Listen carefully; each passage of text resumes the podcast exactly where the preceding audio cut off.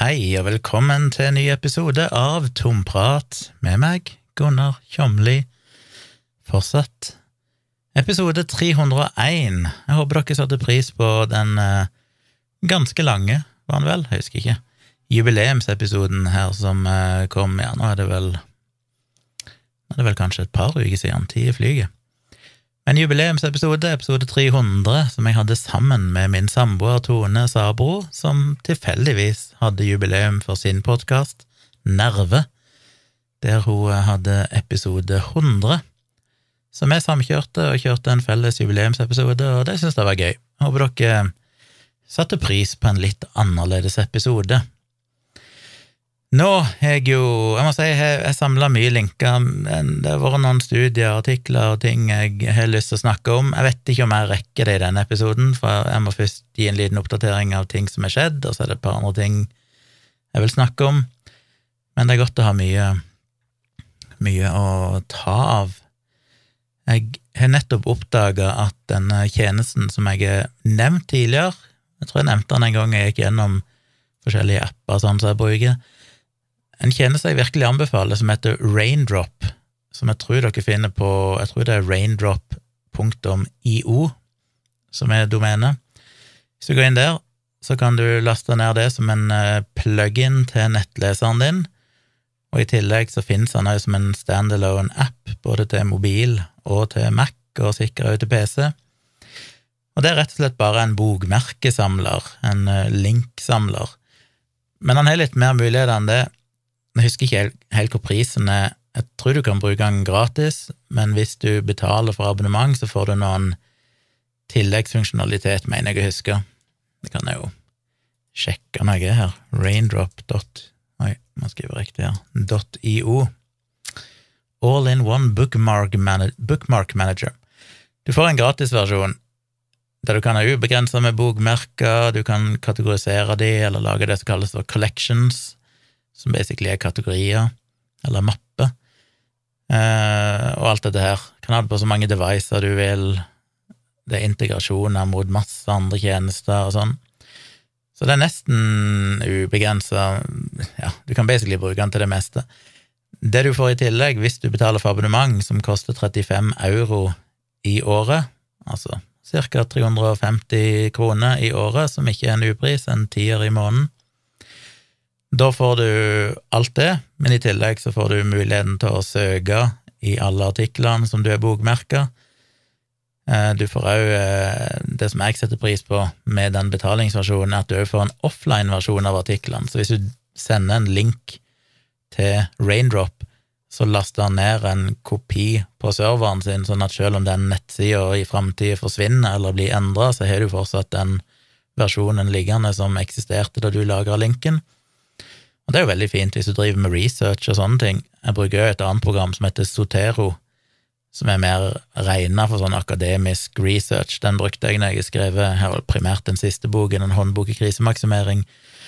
Fordi når jeg skrev placeboeffekten, så var mye av kildene var jo nettartikler, linker, og så visste ikke jeg hvordan du lagde sånne mer akademiske kildehenvisninger eller referanser. Så jeg og jeg trodde egentlig at forlaget ville hjelpe meg med det, men det gjorde de ikke, og plutselig var det så liten tid at de måtte bare trykke alle referansene, alle fotnotene mine som, som linka, egentlig, i boka. Og det er jo ikke så praktisk å sitte og taste inn liksom hele nett, lange nettadresser som du finner bakerst i boka. Så den ligger jo inne på, på bloggen min, så har jeg en, en klikkbar linkeoversikt, selv om noen av de linkene i seinere tid har forsvunnet og er døde nå, som er litt synd. Og det er derfor en sånn tjeneste som enten Sotero eller Raindrop er fin. Det fine med Sotero er at der òg kan du legge inn linker og sånn, og så kan du ja, så laste ned offline-kopier og sånn.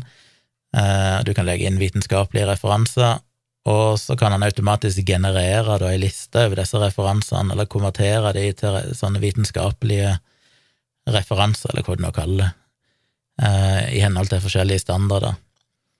Så er det jo noen sånn standarder som er mer vanlige enn andre, men da får du de der fine som ser veldig profesjonelle ut. Så det gjorde jeg til håndbok i krisemaksimering. Jeg fikk Sotero til å lage alle kildene mine, alle referansene jeg hadde henvist til i boka, og så genererte den automatisk sånne vitenskapelige referanser som ser litt mer seriøse ut enn og bare en link, liksom, en URL. Eh, så Raindrop er jo ikke beregna for vitenskapelig research, men den fungerer jo til litt samme formålet, for det er en fin måte å organisere, spesielt hvis du er sånn som meg, som fort har oppe tonnevis av faner, som ting du skal komme tilbake til, som både gjør datamaskinen treig, nettleseren treig, og som er veldig kjip hvis da plutselig nettleseren krasjer, og så mister du de og sånn. Så det er jo heller bare å sende de til Raindrop, så har du alt der, og kan da gruppere de, du kan tagge de, du kan søke i de, alt det her, og han laster de ned offline òg, som sagt. Fantastisk. Og det jeg har funnet ut ja, I tillegg så sjekker han òg etter duplikate linker, så hvis du har laga samme linken flere ganger, så får du det opp i en oversikt. Han finner òg alle broken links, altså alle linker som ikke lenger finnes, så du eventuelt kan oppdatere de, eller fjerne de, alt dette som.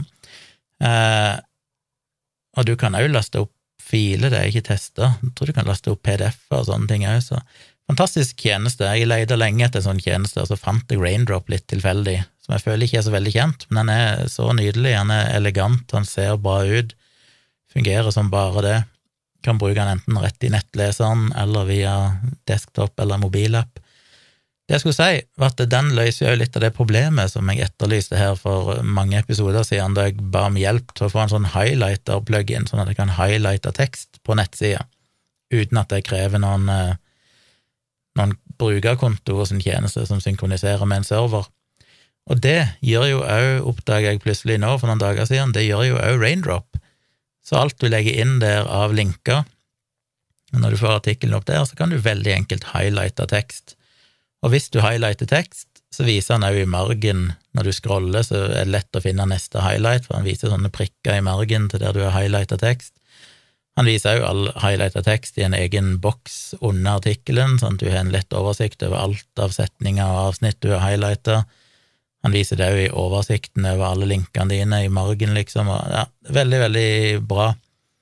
Så det er jo en ny strategi jeg tester ut her nå, det er at uh, mulig jeg nevnte det i forrige episode litt, lite grann, men jeg ville gå litt mer inn på det, at når jeg finner artikler jeg vil spare på, så heller enn å bare maile de til meg sjøl, og så plutselig ha masse mailer i innboksen med linker i, som jeg ikke alltid husker hva er, så jeg begynte å sende de til til Raindrop, og det er veldig enkelt å gjøre fra en iPhone og sikkert fra en Android-telefon òg, når du har den appen installert, for da ligger den i den der delingsfunksjonaliteten på iPhonen.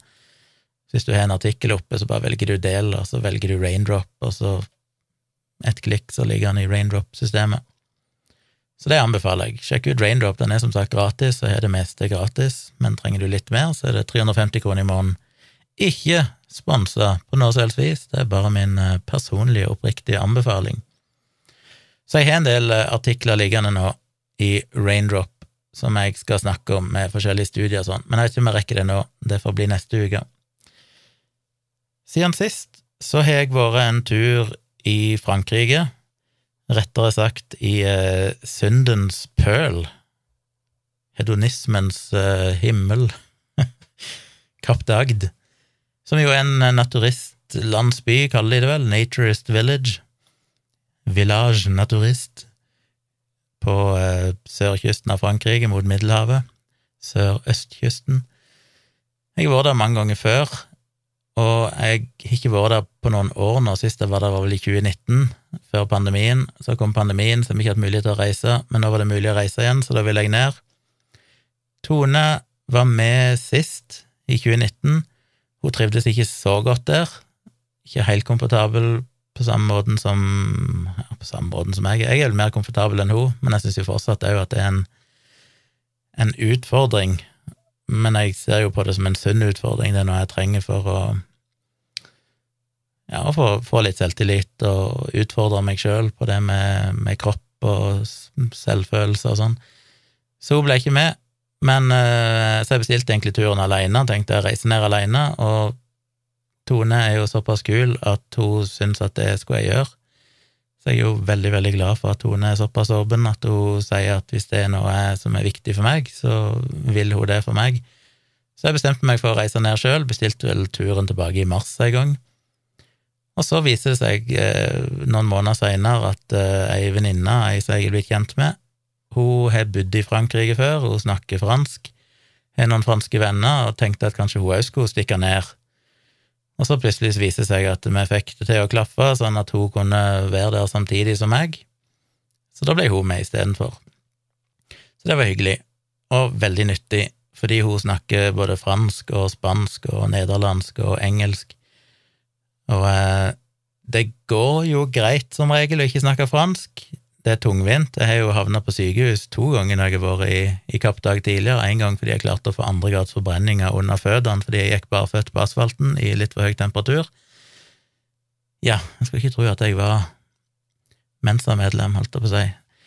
Men det klarte jeg å prestere. Endte opp med alvorlige forbrenninger og havna på sykehuset, og da var jeg helt aleine der nede for noen år siden.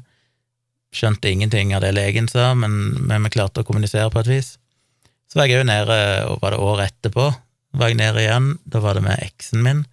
Da fikk jeg en av disse her berømte neseblødningene mine, som plutselig begynte og aldri slutta. Havna på sykehuset igjen. Han legen kunne heller ingenting. Dreiv og skrev inn ting på en sånn mobilapp som eh, oversatte til engelsk, sånn at han skulle kunne vise meg hva han prøvde å si. Det er jo merkelig med Frankrike, altså, det at du kan være utdanna lege. Jeg kan forstå at den, den jevne personen kanskje ikke kan engelsk, jeg kan egentlig ikke forstå det heller, men Frankrike er Frankrike. Så gitt at det er Frankrike, så kan jeg på en måte akseptere det at ok, de er veldig veldig stolte av sitt land og sitt språk og vil ikke liksom ha den engelske innflytelsen. Men at du kan gjennomføre en utdannelse i medisin uten å beherske engelsk, er ganske imponerende, syns jeg. Det sier noe om, om den der proteksjonismen de driver med i Frankrike, når de tydeligvis oversetter alt av pensum til fransk. Um, jeg mener, i Norge så er jo, hvis du går på høyere utdanning, så er jo det meste av pensum på engelsk for det er bare sånn det. Men der oversetter de tydeligvis alt til fransk, fordi du trenger ikke engang kunne engelsk, og allikevel gå gjennom et fullstendig medisinsk studium og bli lege. Så de kan jo ikke engelsk, så det er litt tungvint. Jeg hadde booka en liten eh, leilighet der nede, og skulle møte de som, eller han som eh, skulle gi meg nøkkelen og sånn, og han kunne jo ikke et ord engelsk. Og det var derfor det var så utrolig greit å ha venninna mi med, for det, uten henne så hadde jeg jo helt lost, for han, han, han, skulle jo forklare hvor leiligheten var, hvor vi skulle gå hen, og så når vi kom der, så skulle han møte oss, og så skulle han vise oss ja, nøklene og fasilitetene og alt mulig hva vi måtte gjøre før vi reiste med tanke på utvask og sånne ting, og hvis ikke jeg hadde hvis jeg hadde vært alene der da, så hadde det jo bare vært ganske så håpløst, rett og slett.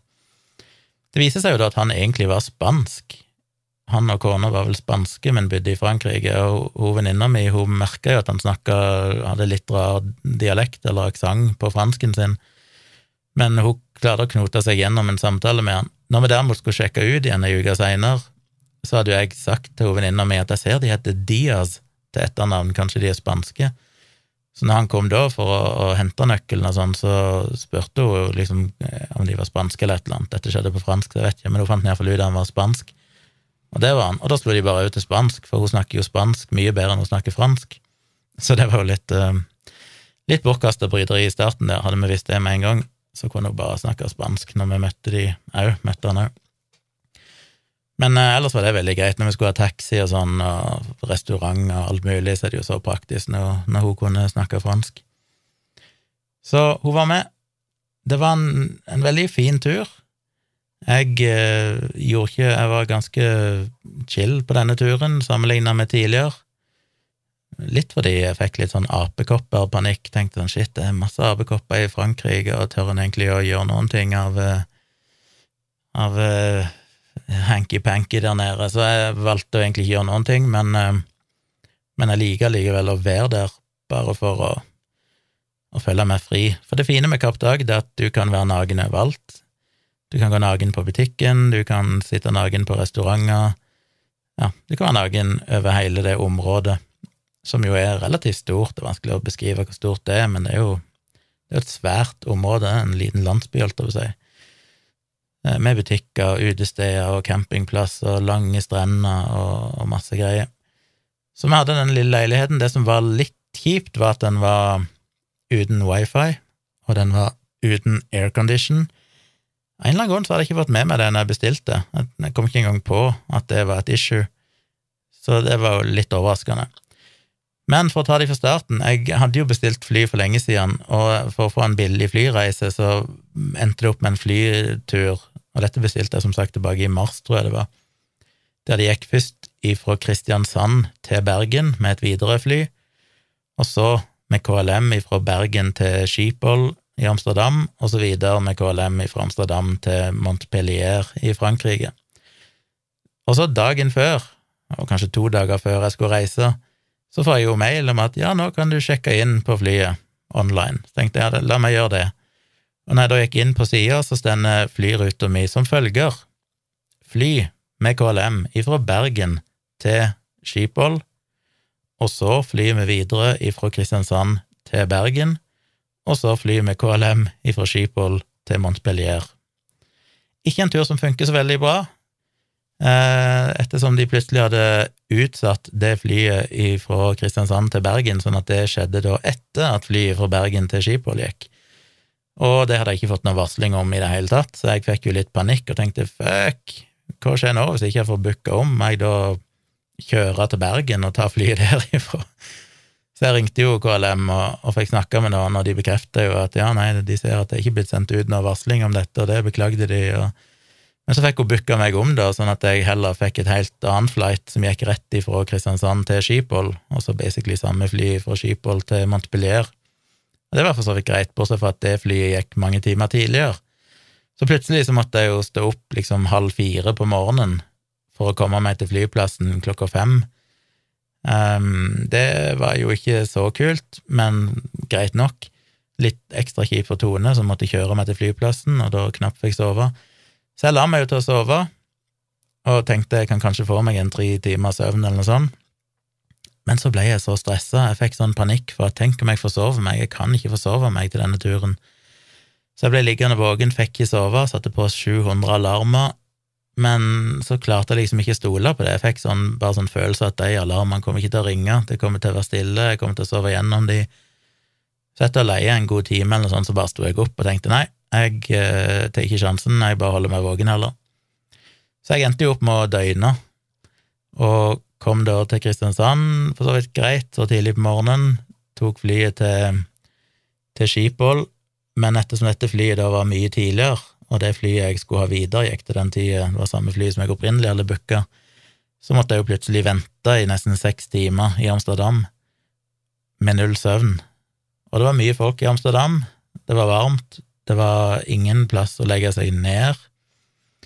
Så jeg gikk jo bare og traska fram og tilbake og prøvde å finne en eller annen sånn stol jeg kunne sette meg i, der det ikke var altfor mye folk, og prøvde å, til slutt å sove litt. Og jeg fikk vel kanskje sove en time totalt, fordelt innen sånn ti minutters økte, der jeg sov på armen min eller på støtta meg på hånda mi helt til jeg liksom plutselig mista grepet og vippa opp og følte meg dum for alle som satt og så på meg. Men det hjalp. Det hjalp med, med noen timinutters økte med søvn. Det gjorde at jeg, jeg våkna ganske mye, og når jeg endelig og Da var jeg så lei, og jeg var så i ørska at jeg husker nesten ingenting av de fem-seks timene på, i Amsterdam. Det er liksom bare sånn toga for meg. Men jeg kom meg nå på flyet videre, og kom ned til Montpellier, og der venta venninna mi, for hun hadde tatt en annen fly dagen før og ei venninne i Frankrike som hun besøkte, eller som kom og besøkte hun på flyplassen, så de hang sammen ei stund der før hun fløy videre fra Paris til Montpellier. Hun var òg døgna av samme årsak, eller ikke hatt mulighet til å sove. Så eh, vi møttes der. Jeg hadde bestilt en taxi, samme taxifirma som jeg har brukt hver gang, som jeg alltid er like overraska over at de har kontrollen, for jeg sender bare en mail og sier sånn fem måneder tidligere og sier hei, jeg skal reise den og den tida like overraska over alltid at de faktisk møter opp. Tidligere så har jeg vel alltid sendt en mail noen dager før og sagt jeg bare minner dere på at jeg kommer den den dagen. Denne gangen tok jeg en sjanse på å ikke gjøre det, og tenkte jeg må jo stole på dem, og de møtte opp. Så det er bra. Så vi fikk taxi til Kapp Dag, en times kjøretur cirka. Møtte da han der fransk-spanske fyren, fikk kommet dere inn i, i leiligheten og i teorien så er det ikke noe problem at det ikke er wifi, for det, med denne her roaming-greia i EU nå, så er det ikke noe dyrere å bruke 4G i, i utlandet innenfor EU som det er i Norge, så det, det, er jo basically akkurat det samme, koster ikke noe ekstra. Problemet er jo at 4G-nettet eh, i Kapp Dag det er helt åpenbart ikke dimensjonert for turistsesongen. Så før klokka ni om morgenen og etter klokka ca. halv, nei, cirka halv to, to tider på natta, så var det fint å surfe på 4G. Da kunne jeg se YouTube-videoer og alt gikk, og det var veldig sånn markant forskjell, nesten bare i løpet av noen minutter så endra det seg. Men i hele perioden mellom det så var det nesten umulig å komme seg på nett. Kunne knapt laste ned ei nettside, jeg måtte sitte og vente i mange minutter for han skulle klare å dra ned liksom forsida på VG og sånn. Og det var litt frustrerende. Ikke at jeg hadde noen store ambisjoner om å være mye på nett, men det er jo en del ting du av og til må sjekke og sånn òg når du er der. Og det var litt frustrerende.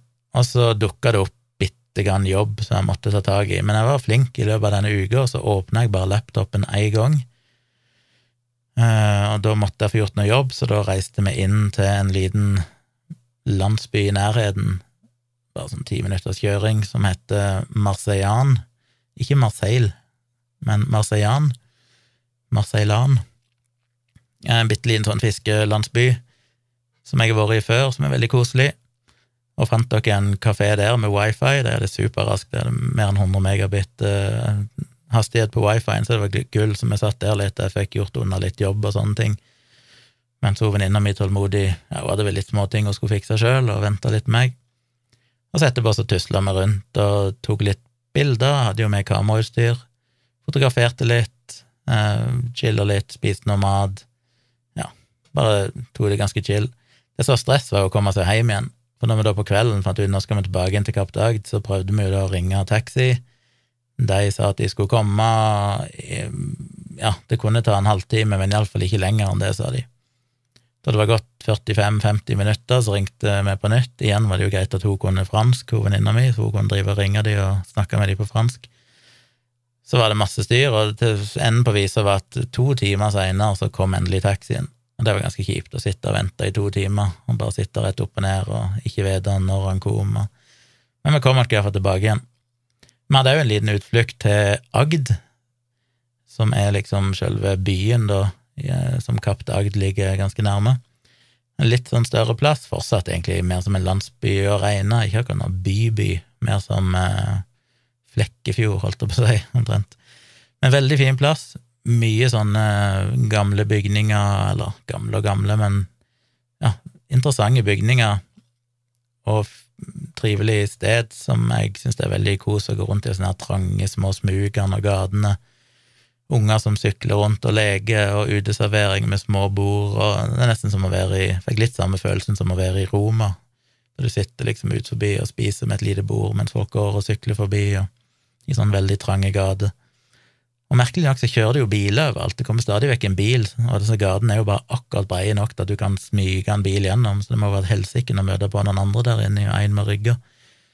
Men det, det, er liksom ikke noe skikkelig veier, alt er bare sånn smale brosteinsgater som det kjører biler innimellom bygningene på, så det er jo virker litt crazy, men men der òg hadde vi en, en, fin dag, gikk litt rundt og tok masse bilder og sånn, og den dagen var jeg så dehydrert, jeg har aldri drukket så mye i mitt liv. Jeg drakk litervis, bokstavelig talt. Jeg var redd jeg skulle dø av vannforgiftning til slutt.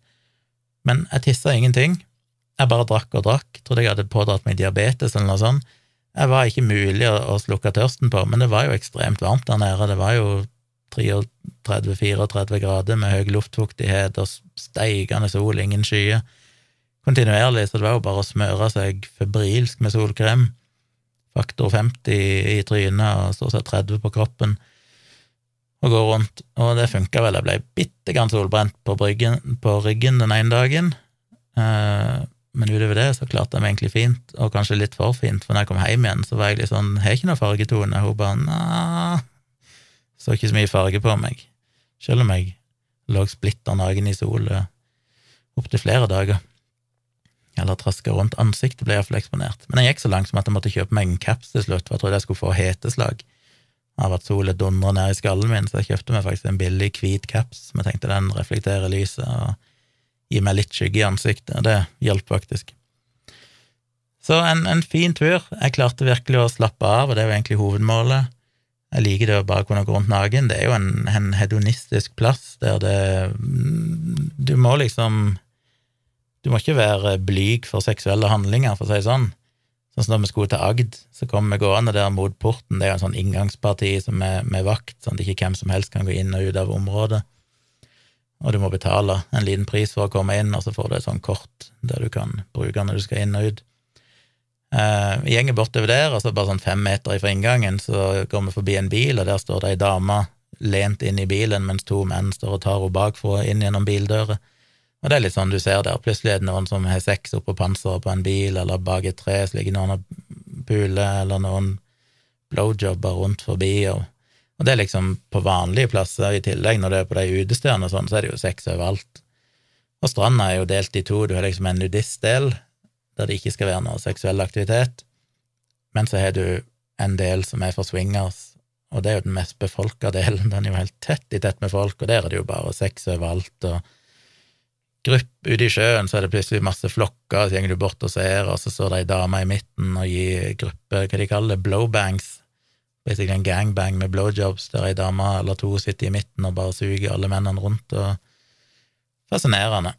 Det som er litt mer irriterende, er selvfølgelig enslige mannfolk, som hvis du er med ei dame og bare er bitte grann intim, så kommer de i nærheten med kuken i hånda og liksom står der og runker.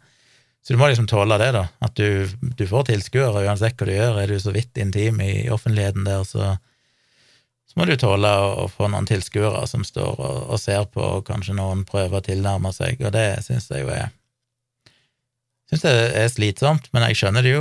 Jeg kan jo ikke klage, jeg har jo vært der nede sjøl som singel og, og kikka på andre, så sånn er det. Jeg jeg er, jeg, jeg er jo veldig glad i den åpenheten som Kapp Dagd representerer, og føler jo alltid det når jeg kommer tilbake igjen til Norge, så er det sånn Hvorfor ikke hele verden sånn? Det virker så kunstig å måtte kle på seg igjen, hvorfor kan vi ikke bare gå nakne? Der nede er det jo ingen som bryr seg. Det er så fascinerende at en skal bry seg, at det med å være påkledd skal At det liksom blir sett rart på at du er naken. Og det fine med Kapp Dag, det er jo det at det er alle typer mennesker. Det er selvfølgelig en del unge, attraktive mennesker, men det er liksom 80 år gamle damer med piercinger og korsett og lakk og lær og alle fetisjer og alle utsmykninger på kroppen du kan tenke deg. Der er kraftig overvektige folk, der er, det er liksom alle kroppsfasonger, alle utseender eh, Alt er bare naturlig. Det er ikke sånn at Det får liksom følelsen av en del sånne miljøer eh, i holdt på å si, mer i gåsehud normale samfunn, de kan fort bli litt sånn utseendefiksert. Men det jeg liker med Kapp Dag, det er jo at det er liksom bare kom som du er. Dette er en helt representativt utsnitt av befolkningen, bare at folk kan være nakne. Og det er jo langt ifra de fleste som er nakne. Når du er ute på dagen, på strendene er jo folk nakne, men ellers rundt om i landsbyen der, så er jo et, ja, vet jeg, kanskje én av fem, én av ti, er kanskje helt nakne. Ellers er de fleste et eller annet på seg. Ofte så er de enten noe rundt livet, eller de går nakne nedentil, men de har kanskje ei netting Mange damer går med sånn nettingtopper eh, på, sånn at du egentlig ser gjennom, men de, er liksom, de er i gåsehud tildekka.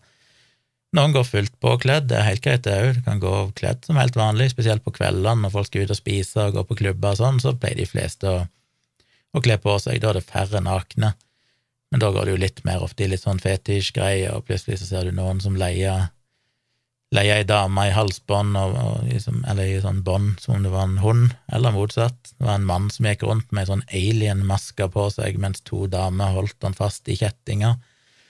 Han gikk rundt og skremte folk. og eh, du finner alle sånne seksuelle fetisjer på en måte som bare er helt sånn, ja. Og så hever du ikke et øyenbryn. Det, det tar liksom det tar liksom tre timer ifra du kommer der og tenker sånn oh, dette er jo litt spesielt, det er bare sånn ja, ja, dette er sånn det er. Og det er det jeg alltid føler med, med, resten av verden. Det er sånn, ja, Hadde vi lagt om til at plutselig nakenhet var akseptert i offentligheten, så ville det vært veldig rart i noen dager, men det er knapt noe mer enn det, før folk hadde bare vært sånn, ja ja. Så det er liksom, hadde vi bare kommet oss over den kneiken på noen få dager, så, så, hadde ting blitt ganske naturlig ganske fort, tror jeg. Um, ja. Så jeg setter pris på det, og jeg må si at etter den turen så, så føler jeg at jeg, det hjelper meg. Det er nyttig for meg med tanke på på kroppsskam og selvfølelse og sånn Det å bare Ok, nå er jeg naken, her er det andre mennesker i alle kroppsfasonger. Og om ikke du reiser til Kapp Dagd, som er selvfølgelig eh, både koster litt penger og ikke noe alle nødvendigvis har muligheten til, eller vil engang, så er det jo det med å bare gå på en naturiststrand. De fleste steder er en eller annen naturiststrand i nærheten, og det å, å tørre det har iallfall hjulpet meg veldig. Det hjalp meg veldig første gang jeg prøvde det, å bare si fuck it, nå kaster jeg klærne, så får det bare være som det er. Så for meg er det en sånn sunn Jeg føler staten burde ha sponsa sponsa Kapp Dag-turer på meg, for det, det, det, handler om mental helse for min del. Må ha litt cola. Så ja, det var en, eh, en, fin tur. Den ene dagen så betalte vi oss inn på en sånn basseng med solseng, der du kan betale en liten inngangspris, og så får du et par solsenger og et par drinker, og så kan du være der i mange timer og gå inn og ut med et sånn privat basseng. Og det var en utrolig chill dag. Det var sånn, Vi bare lå der i timevis, og så gikk vi ut en stund og spiste litt, og så gikk vi tilbake igjen og la ned igjen, og lå og hørte på podkast, sovna litt. Våkna av at jeg snorka noe helt sinnssykt, plutselig. Våkna av sånn gigantisk snork, så jeg bare tenker oi, shit, jeg håper ikke hele området hørte meg. Litt ut i bassenget for å kjøle meg ned, opp igjen. Veldig, veldig chill. Um, så det var kos, rett og slett. Kommer jeg til å reise der igjen? Akkurat jeg var der denne gangen, så fikk jeg litt sånn følelsen av at de første gangene jeg var der, syntes jeg det var mer spennende. Da gikk jeg på klubber og liksom syntes det var spennende å se det som skjedde der av seksuelle aktiviteter. Denne gangen så gikk vi ikke på noen klubber, litt som sagt på grunn av frykt for kjønnssykdommer, apekopper, hele den sulamitten der. Det var litt sånn Er det vits i å, ta noen risiko? Ja, selvfølgelig kondom og alt dette her, men du er ikke sikker uansett. Jeg, jeg vet ikke, det var kanskje en irrasjonell angst, men jeg følte litt på det. Uh, og så følte jeg ikke helt det behovet, så jeg ble litt sånn overraska over meg sjøl. Det, sånn, det betyr egentlig ikke så mye for meg. Kanskje jeg er litt metta. Det er litt sånn, ja, nå har jeg sett de tingene, jeg har vært med på det, det er kanskje ikke så stas. Nå var jeg litt mer på den med at det var bare deilig å føle meg fri, og kunne bare gå rundt naken og, og ikke Ja, og bare slappe av. Så jeg får se. Når det er gått et år til, når neste sommer nærmer seg, så kan det være jeg føler igjen for å reise ned. Og kan òg føle meg bitte grann sånn metta, sånn kanskje ikke jeg får så mye ut av det som jeg gjorde før. Men vi får se. Det er kanskje bare fordi jeg nettopp har vært der. Denne uka som kommer, eller som vi er i nå, blir ganske travel. Eh, jeg har fått eh, masse fotooppdrag, som er veldig hyggelig. Jeg ble plutselig eh, spurt om jeg kunne være fotograf for en reportasje for Hjemmet, dette ukebladet Hjemmet. Jeg solgte jo et bilde til dem av Wasim Sahid og kona her for en tid tilbake. De kontakta meg jo bare sånn ut av det blå fordi de hadde funnet et bilde jeg hadde tatt av Wasim og, og kona hans. Spurte om de kunne bruke det. Solgte det til dem. Og så sa jeg jo da at eh, hvis dere trenger fotograf, så må dere gjerne ta kontakt. Så da satte de meg på ei liste, og det er jo alltid hyggelig når du liksom kommer for en fot innenfor et eller annet sted. Så da, De kontakta meg en gang før, men da skulle de ha en reportasje i Sandnes, og hun trodde at Sandnes det lå rett ved Kristiansand, så det måtte forklare at nei, det er sånn fire timers reise eller sånn, så det er omtrent som å reise til Oslo, så det er ikke så Jeg kan gjøre det hvis de betaler, selvfølgelig, men eh, de var ikke så keen på det. Men denne gangen så er det en eh, reportasje i Mandal, som er en time unna her, så da skal jeg kjøre ned til Kristiansand og plukke opp en journalist. Så kjører vi til Mandal, hun skal sikkert intervjue denne personen. Jeg skal ta reportasjebilder og levere dem. Og det blir spennende. Jeg syns ikke de betaler sånn supergodt, men jeg har ikke krangla noe på prisen denne gangen, for jeg tenkte la meg nå sjekke ut om jeg liker det, om dette er noe jeg har lyst til å gjøre mer av eller ikke. Og hvis jeg har lyst til å gjøre mer, så vil jeg nok diskutere litt pris med dem, fordi at de ligger nok unna det som er etter det jeg har skjønt, det er liksom de veiledende prisene fra Norsk Fotografforbund og sånn. Og jeg er jo medlem av Norsk Fotografforbund nå, så eh, det burde jeg jo egentlig forholde meg til. Men nå har jeg iallfall bare sagt ja til den prisen foreløpig. Det er ikke sånn ekstremt dårlig betalt, men jeg tror nok det ligger lavere enn det jeg normalt ville tatt for den jobben, tror jeg hvis jeg skulle fulgt de vanlige prisene. Men jeg aksepterer det siden det er første gang. Jeg har liksom lyst til å komme inn i systemet og forhåpentligvis levere bilder som de er fornøyd med, og da føler jeg at jeg har litt mer forhandlingsgrunnlag. Det er ikke noen grunn til at de skal høre på meg hvis de aldri har sett bildene mine, holdt jeg på å si. Da kan de bare si ja vel, men da bruker vi noen andre. Men hvis de forhåpentligvis er fornøyd med jobben jeg gjør, og jeg syns det er gøy sjøl, så kan jeg kanskje diskutere pris neste gang. Men det er veldig kult å bli spurt. Jeg tror det blir spennende. Jeg tror det blir veldig kult å gjøre den type jobb. Det er egentlig en type jobb jeg liker. Jeg liker jo sånn reportasjefoto. Det å ta bilder av mennesker og ha lov til å gjøre det. Det tror jeg blir gøy.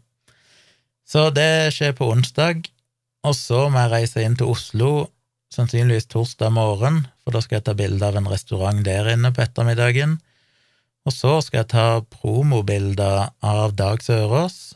Veldig kult. Han har spurt meg om jeg vil ta bildene av han denne gangen, som skal forhåpentligvis, hvis det blir bra og sånn, så skal det brukes på neste showplakat, pluss at det blir sånn pressebilder sånn han kan bruke når folk skal reklamere for et show han skal ha, sånn, som han kan ha på nettsida si. Så da skal vi opp til, til noen studio, eller et studio oppe i Nydalen, og ta noen bilder der innendørs, og så skal jeg ta noen bilder av han utendørs og sånn òg. I tillegg skal jeg òg møte opp på showet hans nå, han har jo noe sånn, han driver med noe prøvemateriale til, til showet som vel kommer til høsten, som han tester ut, så da ville jeg skulle ta noen bilder av han på scenen òg, sånn at de har det òg. Så det er jo en betalt jobb. Så det syns jeg er veldig kult. Det er ganske greit betalt. Jeg har ikke egentlig sjekka hvor det ligger hen i forhold til det jeg har priser på mine egne nettsider, men det er ikke så verst betalt. Mulig jeg ville tatt bitte grann mer hadde jeg skulle satt prisen sjøl, men det er ikke det viktige her. Hadde det vært for Dag, så hadde jeg jo gjort det gratis, men siden han er del av et management som liksom har penger, og ellers ville betalt noen andre fotografer for å gjøre det, så, så tar jeg jo betalt, men det er ikke betalinga som er det viktigste. Ehm, det som er kult, er jo å få ta bilde av Dag, både fordi det er kult å ta bilde av Dag, men òg fordi det kanskje kan åpne noen dører. Hvis de er fornøyd, så kanskje det kan gi meg muligheten til å ta bilde av andre i deres uh, i stallen deres, av komikere og artister og sånne ting. Det hadde vært veldig kult. Så det, man må liksom bare si ja til ting og prøve seg, og så håpe at du får en fot innenfor, og så åpner seg forhåpentligvis dører. Og så på lørdag skal jeg ta noen portrettbilder av et bryllup, så det blir plutselig tre-fire fotooppdrag på ei uke. Og det er for så vidt greit nok, problemet er at jeg skal levere de bildene òg, og så skal jeg jo til Kenya om ei uke. Neste onsdag så reiser jeg jo til Kenya, og de bildene av Dag vil han ha denne måneden, så de må jeg egentlig få redigert ferdig, så jeg reiser nok hjem igjen fra Oslo på lørdag etter det bryllupet, Eh, det er bare sånn portrettfoto, jeg skal ikke være med på selve bryllupet, liksom, så det er bare et par timer jeg skal bruke på å ta bilder der. Og så eh, Så reiser vi hjem på kvelden, og så har jeg da søndag, mandag og tirsdag til å redigere bilder. De opp bildene for hjemmet de håper jeg kanskje jeg kan få ferdig allerede på onsdag kveld, så jeg kan få levert dem før jeg reiser til Oslo. Og da er jeg clear til å reise til til Kenya, og så tar jeg de bryllupsbildene når jeg kommer tilbake igjen, for de har litt lengre leveringstid på. Og da har jeg sikkert med meg ti millioner bilder fra Kenya òg, jeg må gå gjennom og redigere. Jeg har jo ganske mye bilder fra Frankrike nå som jeg har begynt å redigere, så jeg kommer nok til å legge ut noen av de etter hvert òg. Jeg minner meg på at jeg egentlig skulle ha ringt det brudeparet i kveld. Jeg glemte det jo helt vekk. Får se om jeg eh, rekker det etterpå, om det blir for seint, eller om jeg får ta det i morgen. Um, Nei, vet du hva, jeg tror jeg må pause podkasten og så ringe den stakkaren. Så jeg må ta den telefonen, og så komme tilbake igjen her i løpet av et magisk øyeblikk for dere som er lyttere. Men for meg så tar det litt tid. Sånn, da har jeg snakka med brudgommen. Fått avklart det som trengs å avklares for fotografering på lørdag. Så det blir jo greit. Det var fotogreiene. Kenya neste uke, som sagt. Fikk en hyggelig overraskelse her uh, i helga. Dette blir sånn nerdeprat igjen, men dere får bære over med meg. Jeg har jo sikla litt på et nytt objektiv som kom tidligere i år, tror jeg, som er et Tamron 35 150 mm f2 til f2,8. Og fra fotonerder der ute så skjønner dere kanskje at det er ganske kult. Det er et eh, ganske fleksibelt zoom-objektiv som går helt ifra 35 millimeter, som er sånn litt vidvinkel, og helt ut til 150, som er ganske tele. Og den type objektiver har normalt hatt en mye høyere F-verdi, det vil si at du er mindre lyssterke, og du får mindre sånn boka, mindre sånn uh, uskarp bakgrunn. Så det du ofte mister ved å ha den fleksibiliteten som en zoom-linse gir, er at det på en måte ikke går seg ved så god kvalitet. Nå har teknologien blitt mye bedre, så forskjellen på faste objektiver, de som ikke du kan zoome med, de som bare er én fast brennvidde, og de du kan zoome med, er ikke veldig stor i dag. Men den store forskjellen er ofte at de faste objektivene, de er mer lyssterke. Du kan ta bilde i dårligere lys, og så får du òg mindre dybdeskarphet, altså du kan ha bare en sånn liten del av bildet som er i fokus, og så vil alt i bakgrunnen være veldig sånn blurry. Du får litt mindre av det på zoom-objektivet. Men denne her starter faktisk på F2, som er ganske bra, og går bare opp til F2.8. Så det er et fantastisk objektiv som eh, har blitt testa av mange, og fryktelig mange YouTube-videoer og sånn, der folk øver seg av begeistring for dette objektivet. Det koster litt og veier litt, men den fleksibiliteten de gir, er utrolig bra. Når jeg har tatt brudebilder, så har jeg jo tatt de aller fleste bildene med et fast 35 mm og et fast 85 mm. Og så i noen situasjoner som jeg drar fram min 70-200 eh, zoomobjektiv, hvis jeg må stå langt vekke fra brudeparet.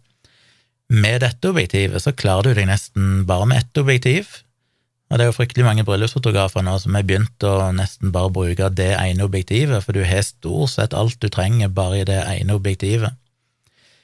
Så det har jo vært veldig populært, og det har vært praktisk talt umulig, umulig å oppdrive i verden, for det ble utsolgt med en gang.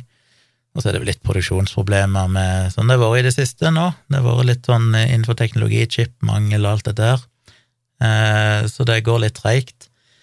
Og jeg registrerte meg jo, jeg sjekka jo for en, en måneds tid siden, da var det jo ingen i Norge som hadde det objektivet, og så tenkte jeg la meg sjekke på B&H Photo i New York, jeg tror det er New York det ligger, iallfall i USA. B&H er liksom de største, gigantisk fotobutikk og fantastisk nettbutikk der du kan bestille mye, og de leverer fort og alt mulig sånn. Så jeg sjekka, og B&H hadde heller ikke det objektivet, og hvis ikke B&H er det, så er det litt sånn, ja, da er det ikke lett å få tak på. Men jeg meldte meg på ei sånn liste der, der du kan få en mailvarsling når de får inn det produktet på lager. Det har de ennå ikke fått. Eh, og så Av en eller annen grunn så var jeg inne på Scandinavian Photo her i Norge, i Oslo, på nettsidene deres her på lørdag. Jeg skulle bare sjekke noe annet. Og så dukka det objektivet opp i søket mitt, og så bare klikka meg inn på det for moro skyld, og så sto det plutselig at de hadde det på nettlager som betyr at de har det ikke i butikken, men de har det på nettlager, og da kan det leveres til butikken ganske fort. Så jeg var sånn, kan dette virkelig stemme? Kan de virkelig ha dette objektivet, som er sånn mytisk objektiv som er omtrent umulig å få tak på? Men jeg la inn en bestilling, tenkte jeg får bare kaste meg over og bestille det. Og siden jeg skal til Oslo denne uka, så bestilte jeg det da med, med henting i butikk, så jeg ikke risikerer at de plutselig sender det med posten, og så kommer det her akkurat når jeg er i Oslo, eller det blir forsinka, eller et eller annet sånt.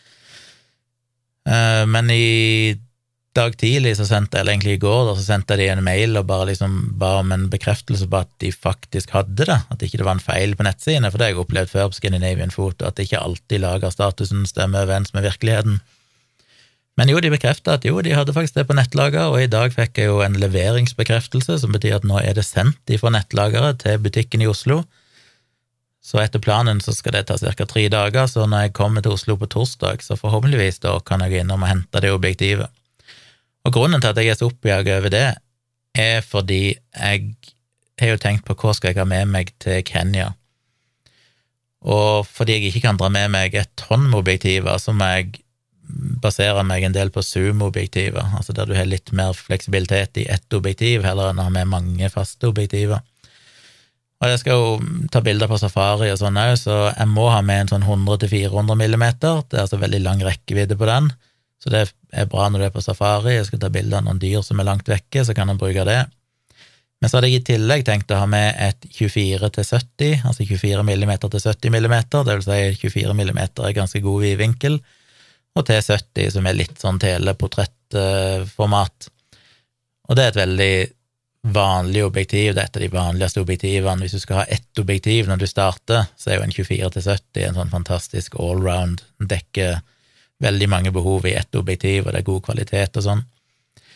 Eh, så jeg har et sånt Sigma 24 til 70-objektiv som blir regna for å være veldig bra, men plutselig så har jeg fått støv eller rusk på innsida av objektivet, altså inni glasset. Og det er et kjent problem med akkurat det objektivet, for det har en dårlig pakning, sånn at det kan komme støv inn i objektivet, og det fikser de på seinere produksjonsbatcher, men hvis du har serienummer under 5544, altså hvis serienummeret ditt starter med 5544, tror jeg det, eh, hvis du har det eller høyere, så har du fått den nye versjonen som ikke har det problemet, men har du det serienummeret eller lavere, som jo da jeg selvfølgelig har, så er det jo det problemet, og jeg tenker alltid at ja, ja, det kommer ikke til å skje meg, det er sånn som skjer andre, men så er det jo skjedd meg. Så da er det objektivet litt sånn ubrukelig, for alle bildene jeg tar, så får du noen sånne små støvflekker, ikke bare sånne prikker, men òg noen sånne streker, noen sånne små fiber som er kommet på innsida. Og det er tungvint å sitte på alle bildene og sitte og fjerne det etterpå, og det, hvis de kommer på feil plass, så kan det ødelegge hele bildet. Så det objektivet er litt sånn ubrukelig akkurat nå, og da var jeg litt sånn shit, hva gjør jeg nå? Eh, men det, når jeg da oppdaga at jeg fikk tak på det 35-250, så erstatter det faktisk to objektiver. Da kan jeg ditche 24 70, og jeg kan ditche 70 til 200. Så det sparer meg jo for mye plass og vekt, at jeg bare kan ta med ett objektiv som erstatter de to andre, så når jeg henter det nye objektivet hos Scandinavian Photo på torsdag, så leverer jeg òg inn 24-70-objektivet, sånn at jeg kan sende det inn på service og få det rensa. Jeg så jo selvfølgelig en sånn YouTube-video som viser hvordan du gjør det sjøl. Det er teknisk sett mulig å gjøre det sjøl, men det er fort gjort å gjøre noe feil, og hvis ikke du er i et støvfritt rom og sånn, så kan du jo fort bare gjøre tingene verre, så det gidder jeg ikke å begynne å kødde med. Siden jeg uansett får et annet objektiv som dekker det behovet, så gjør det meg ikke noe å sende det inn på service. Og når jeg får det tilbake for service, så regner jeg med at jeg kanskje prøver å selge det, for jeg regner med at det nye objektivet i stor grad vil erstatte det. Hvis jeg virkelig er fornøyd med den 35-250, så kan det jo være jeg selger det 70-200 objektivet òg, som var steindyrt, det koster vel 25 000. Et originalt Sony G-master-objektiv. Så hvis jeg hadde fått solgt begge de to, så finansierer jo det mer enn Sjøl med bruktpris, som ofte er ganske låg på objektiver, så vil jeg finansiere det nye objektivet. Men jeg får se. Jeg selger nok iallfall 24 til 70, for det bruker jeg ikke så ofte uansett.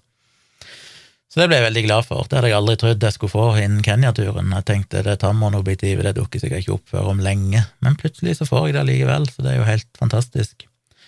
Jeg var jo på Tonstad en uh, liten tur i helge, for dattera mi og meg og Tone hadde lyst til å treffe foreldrene mine en stund siden sist. Så vi kjørte opp til Tonstad, og det var jo fullmåne natt til lørdag. Så jeg tok med meg kamerastativ og fotoutstyr og fant ut jeg skulle ta noen fullmånebilder over Sirdalsvannet. Og det er jo nytt for meg, og det er sånn, en må jo bare begynne i gang, og bare prøve. Men det er mye en må lære. Og jeg tenker det blir sikkert ikke de beste bildene første gang, men da har jeg iallfall prøvd det i gang, og så lærer jeg noe av det.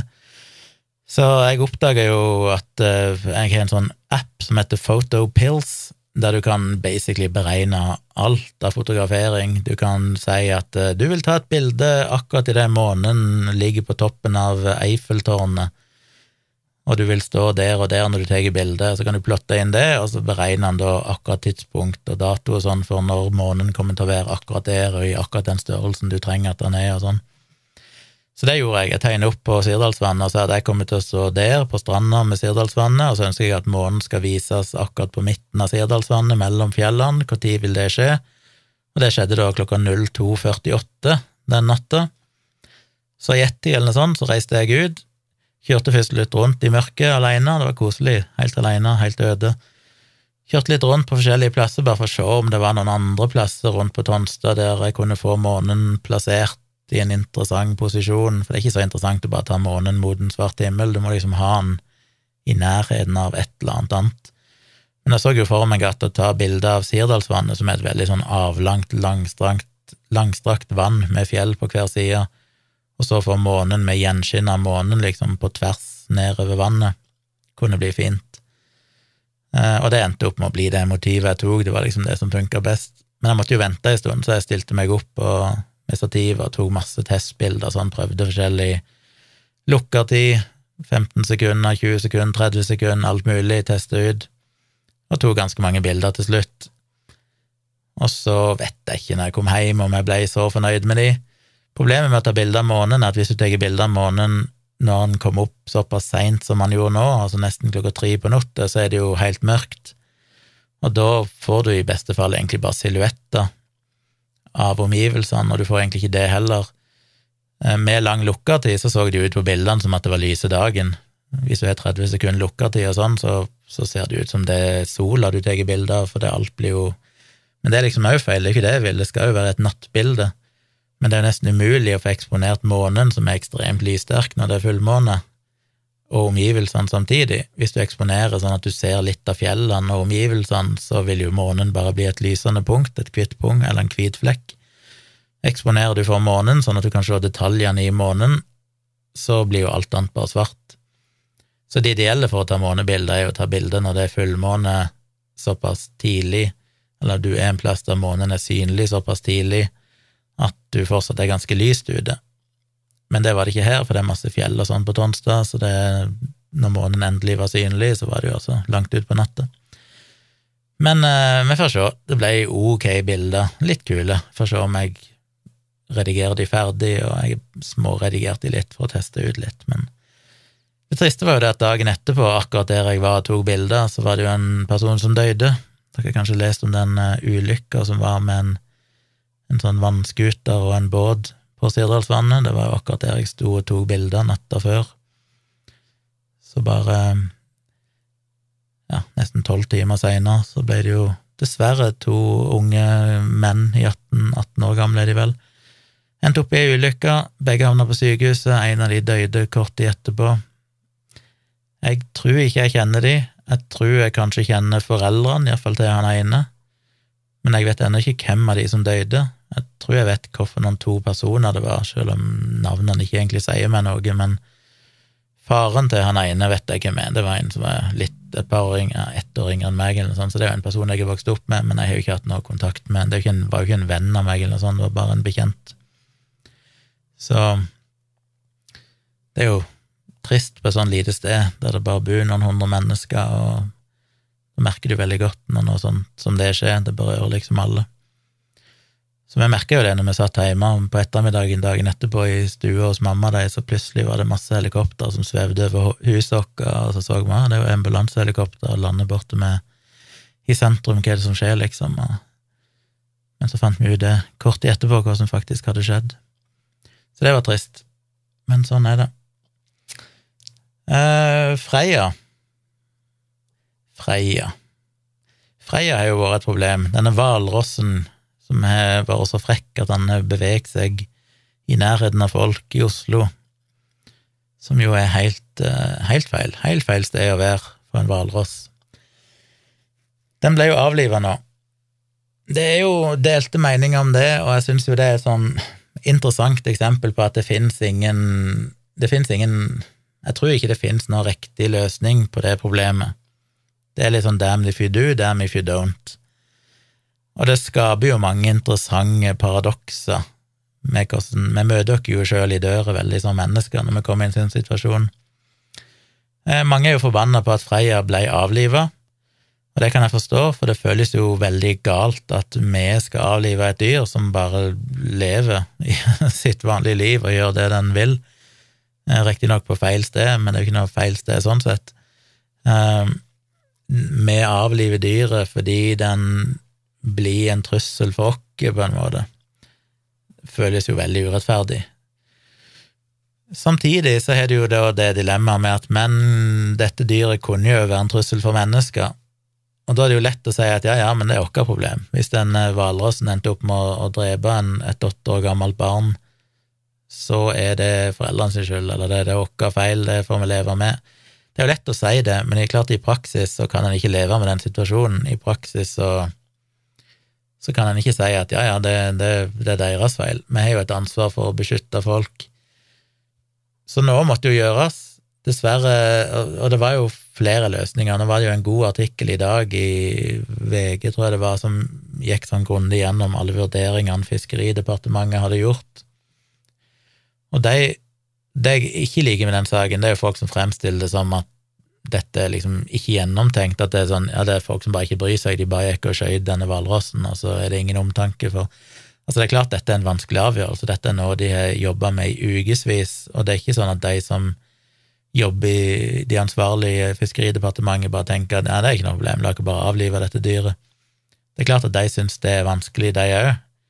De skjønner jo hvordan folk vil reagere, de skjønner at dette er kontroversielt, og de har prøvd veldig mye forskjellig for å finne ut hvordan kan vi løse dette på en god måte. Og de hadde jo mange forskjellige forslag til hvordan de kunne flytte dyret, så de har gjennomgått mange forskjellige scenarioer, men i samarbeid med, med, folk som jobber med dyr, Dyreparken i Kristiansand og Mattilsynet og sånn, så kom de jo fram til at alle de forslagene var veldig risikofylte. De fleste av de ville med en viss sannsynlighet føre til at hvalrossen ville drukne. Hvis de prøvde å bedøve han, for eksempel, så ville han sannsynligvis svømme ut i vannet før han ble bedøva, og så ende opp med å drukne. Hvis du prøvde å, å fange han i et nett, så ville han sannsynligvis òg bli skremt og få vikla seg inn i nettet og kanskje ende opp med å drukne. De vurderte òg å bygge et sånn spesialbur som de kunne prøve å fange han i før de bedøva han, sånn at de kunne holde han i vannet, eller hun er det kanskje, holde henne i vannet eh, mens hun ble bedøva, og så transportere hvalrossen, eller Freia til et annet sted. Det var ingen av de løsningene de, de fant ut var trygge nok, så dette er jo ikke fordi de ikke har prøvd, de, virkelig, de ønsker jo, virker det som, å, virkelig prøve å finne en måte de kan få flytta dette dyret på. Den løsningen som var mest aktuell, var vel dette byr, dy, eh, buret, men det ville jo ta tid, det måtte jo spesialbygges dette buret da. De var jo fortsatt ikke sikre på om de ville kunne gjennomføre det på en måte som ikke skada dyret, og det ville koste veldig mye penger å få gjort det ikke bare det å bygge dyr og hele den operasjonen, men mest av alt det å flytte dyr etterpå. Det å liksom transportere dyret da på en trygg måte til et helt annet sted i landet var en kostnads, kostnadsfylt, hva heter det, eh, ja, eh, operasjon. Så jeg skjønner jo dilemmaet. Eh, så det andre alternativer, det er jo å ha vakthold og si ok, dyret er her, det er viktig å bare holde mennesker vekke. Det har de jo prøvd på i tre ukers tid eller noe sånt, Dessverre så er jo folk idioter, og selv om de har hatt eh, kraftige advarsler om ikke nærme seg dyr og alt mulig sånn, så har de jo opplevd at folk driver og kaster steiner og pinner, eller tar med seg barnet sitt i nærheten for å ta selfie sammen med Altså, folk er idioter. Og det er jo det som er dilemmaet her, at eh, når folk er idioter, så er det jo forbanna synd at det skal gå utover hvalrossen. Men det er klart, hvis da et eller annet barn for eksempel hadde blitt drept, hadde blitt dratt under vann av denne hvalrossen, så vil jo Fiskeridepartementet i stor grad være ansvarlig. Da vil jo noen sagt til myndighetene liksom, hvorfor, er dere ikke, hvorfor sikrer dere ikke dette, hvorfor Altså Det er litt sånn damn if you do, damn if you don't. Folk blir sure hvis du, hvis du gjør noe, folk hadde blitt sure hvis du ikke gjorde noe. Og til syvende og sist så må vel Fiskeridepartementet vurdere menneskelig liv som viktigere enn livet til dette dyret. Så kunne en jo sagt ja, kunne vi ikke brukt mer penger da på å sette opp skikkelig vakthold, og rett og slett ha ha 24 timers vakter i en sånn 200 meters omkrets rundt dyret som fysisk sørger for at folk ikke kommer i nærheten. Det vil jo koste mye penger. Det er jo vanskelig på et sted der det er kanskje over 100 000 badeturister som ønsker å bruke det området. Det, det, er kanskje ikke så lett å klare å holde vekke så mange tusen mennesker fra et område de normalt er vant med å bruke. Jeg skulle selvfølgelig håpe at det hadde latt seg gjennomføre, jeg tenker at det hadde vært den beste løsningen. Sørge for å rett og slett sette ut vakthold og holde mennesker vekke. Men jeg ser jo at det vil være utfordrende. Folk er kanskje båter i det området, de trenger å få tilgang til båten sin i en eller annen sammenheng, de trenger kanskje å ferdes gjennom det området av ulike årsaker. Eh, ikke bare fordi de ikke bryr seg, men fordi de faktisk har en god grunn til å gjøre det. Det er kanskje vanskelig å organisere det på en måte og sikre at en faktisk kan holde folk vekke i så store mengder over så lang tid. Men det er jo mye som tyder på at hvis vi hadde klart det i kanskje et par uker til, til det ble litt kaldere, så ville nok eh, hvalrossen sannsynligvis ha forsvunnet av seg sjøl. Men, eh, men det ble ikke gjennomført. Og så er det jo selvfølgelig det aspektet ved paradokset i det at det fremstår jo som Altså, det er lett å si at uh, her burde vi ha kasta penger på problemet, det burde ha kosta det det koste ville for å beskytte denne hvalrossen. Uh, Men da havner de i det absurde dilemmaet med at hvorfor bruker vi plutselig masse penger på å beskytte dette ene dyret, når vi tross alt slakter tusenvis på tusenvis av dyr hele tida til mat?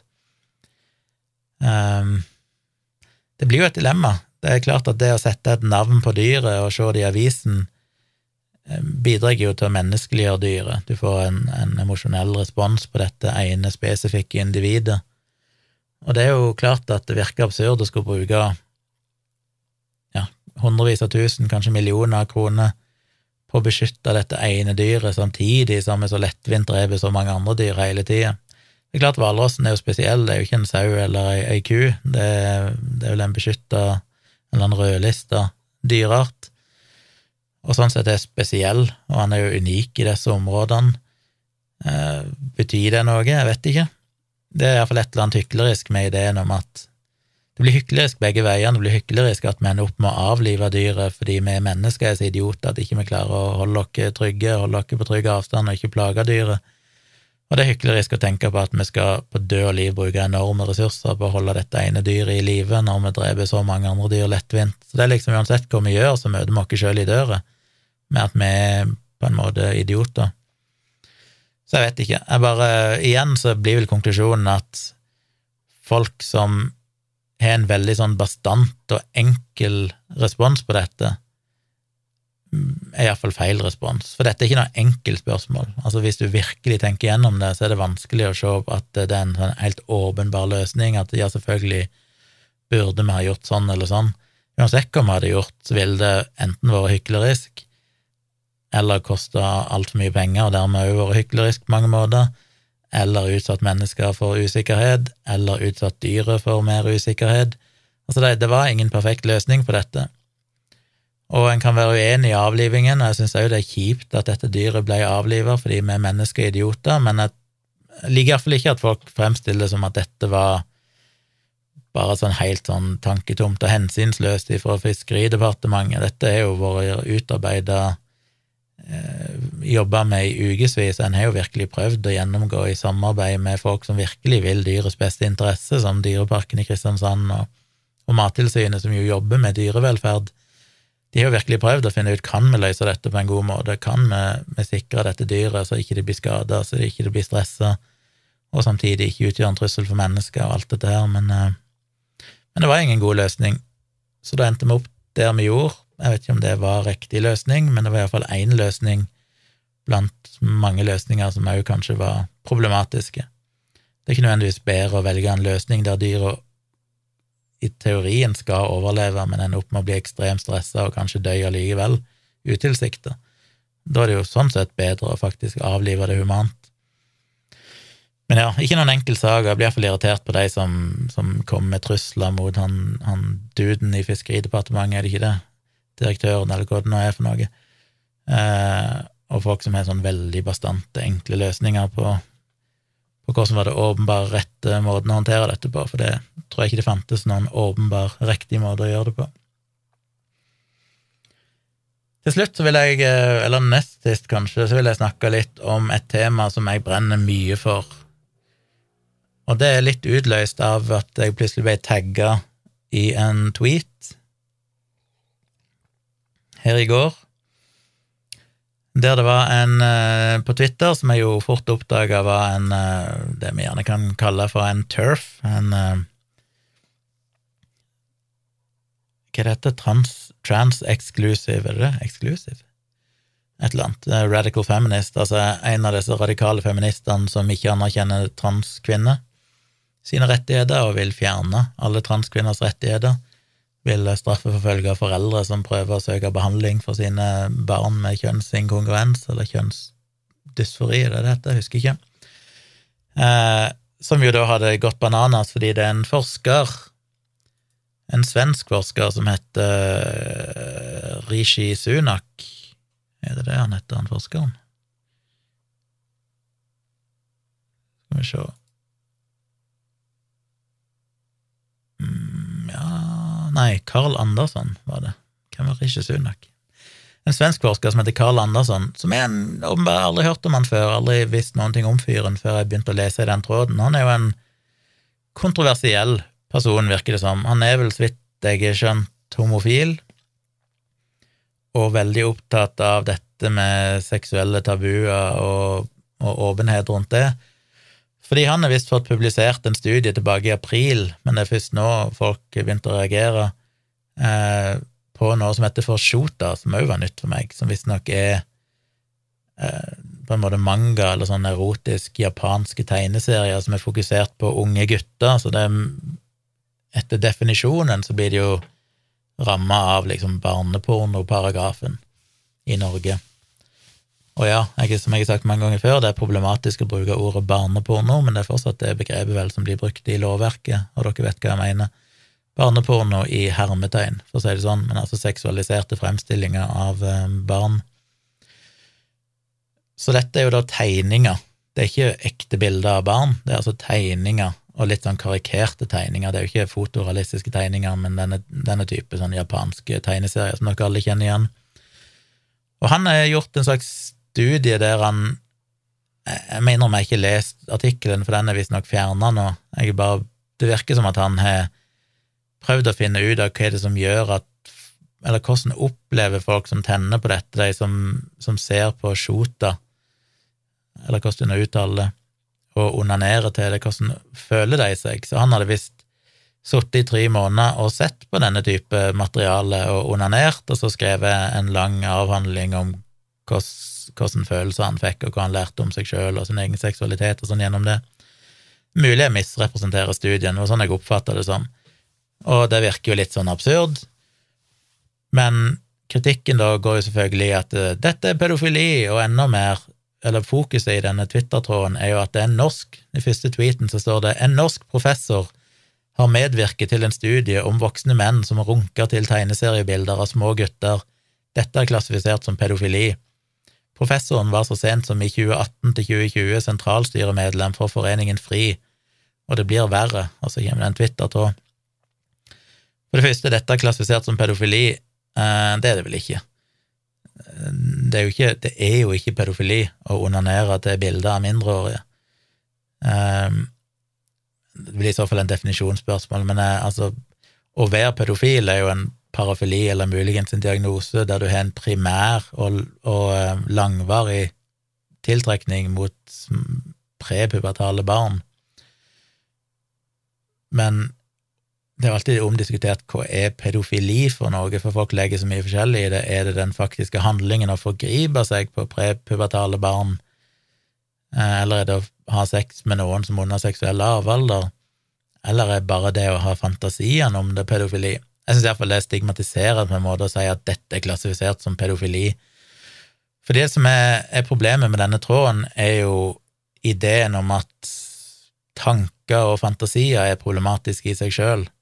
Og, og, det ser vi jo hele tida for denne her transhatende gjengen, det at de er ekstremt seksualmoralister.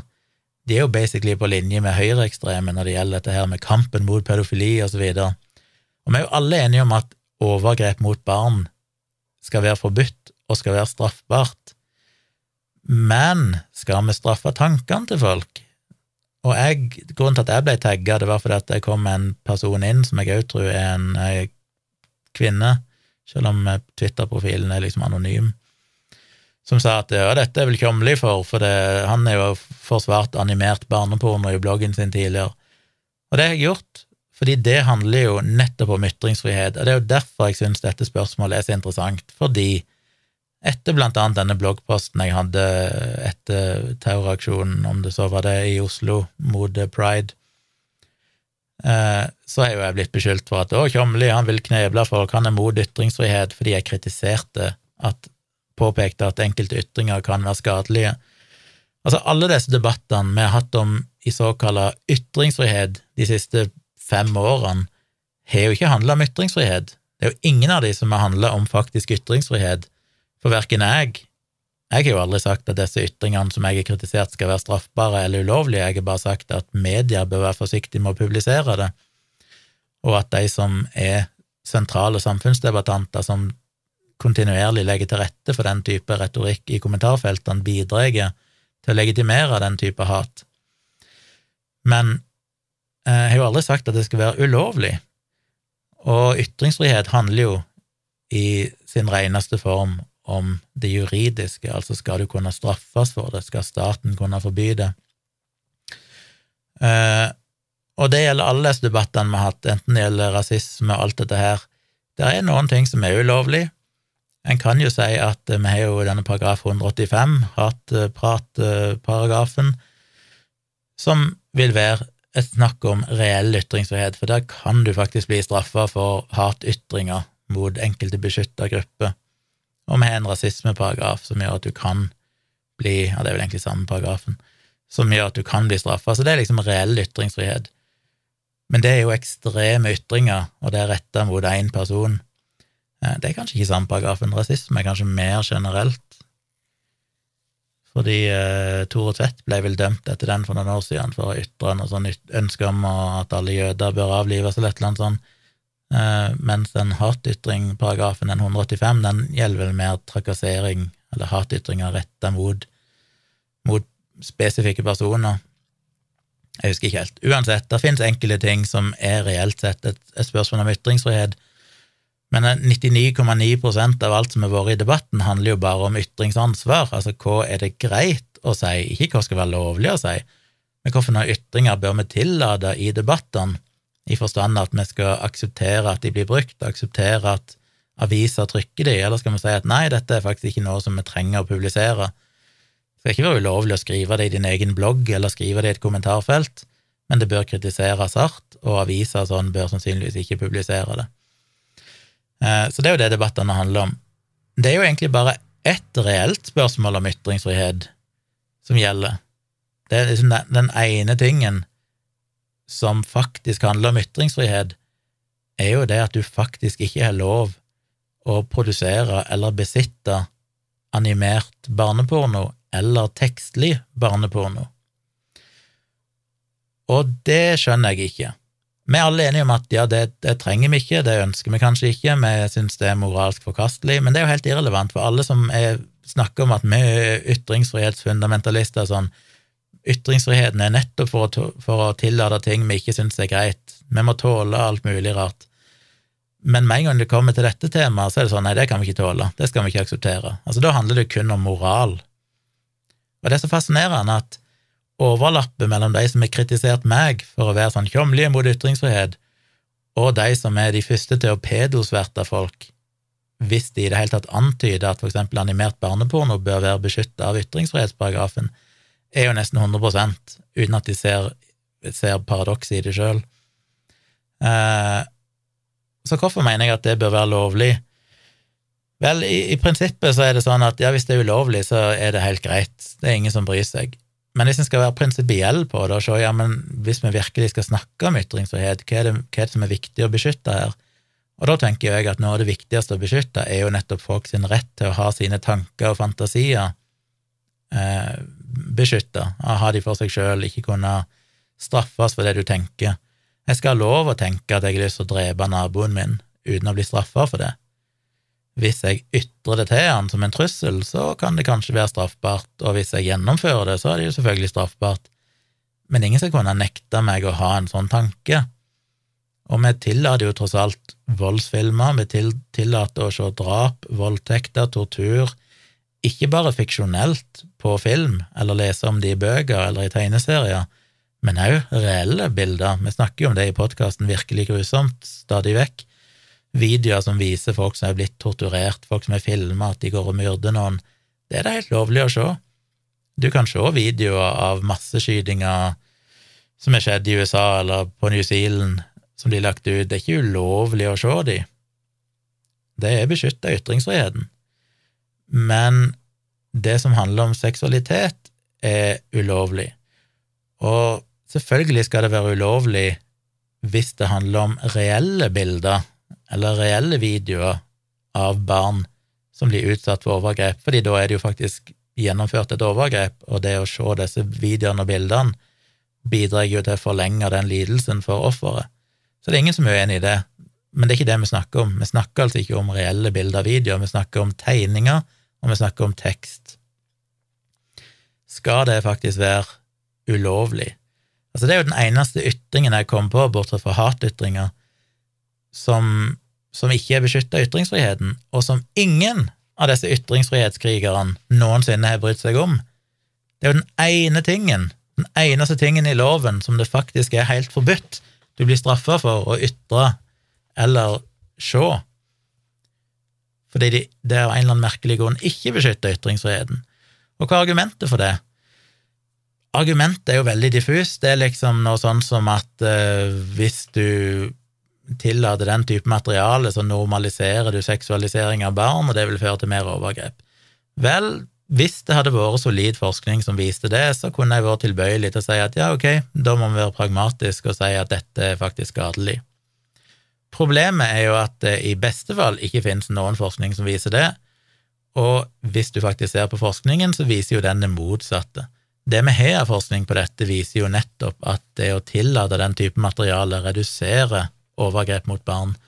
Dette er skrevet om i bloggen, jeg skal lenke til en bloggpost om det for de som har lyst til å lese forskningen og se på det, men vi har sett det i, land etter land etter land som har der eksempel barnepornografi, og da snakker vi om reell barnepornografi, altså faktisk overgrepsmateriale har vært lovlig å publisere i pornoblader og sånn, inklusiv i Danmark og Japan og Tsjekkoslovakia og sånn, der det var lovlig til langt ut på 80-tallet, til og med 90-tallet i noen land, så så en jo at når det ble forbudt, så økte andel overgrep mot barn, og da har de kontrollert for alt av andre faktorer, annen type kriminalitet, økonomien i landet og sånn, og finner at det eneste som endrer seg hvis du korrigerer for alt annet, er overgrep mot barn i det øyeblikket du forbyr det.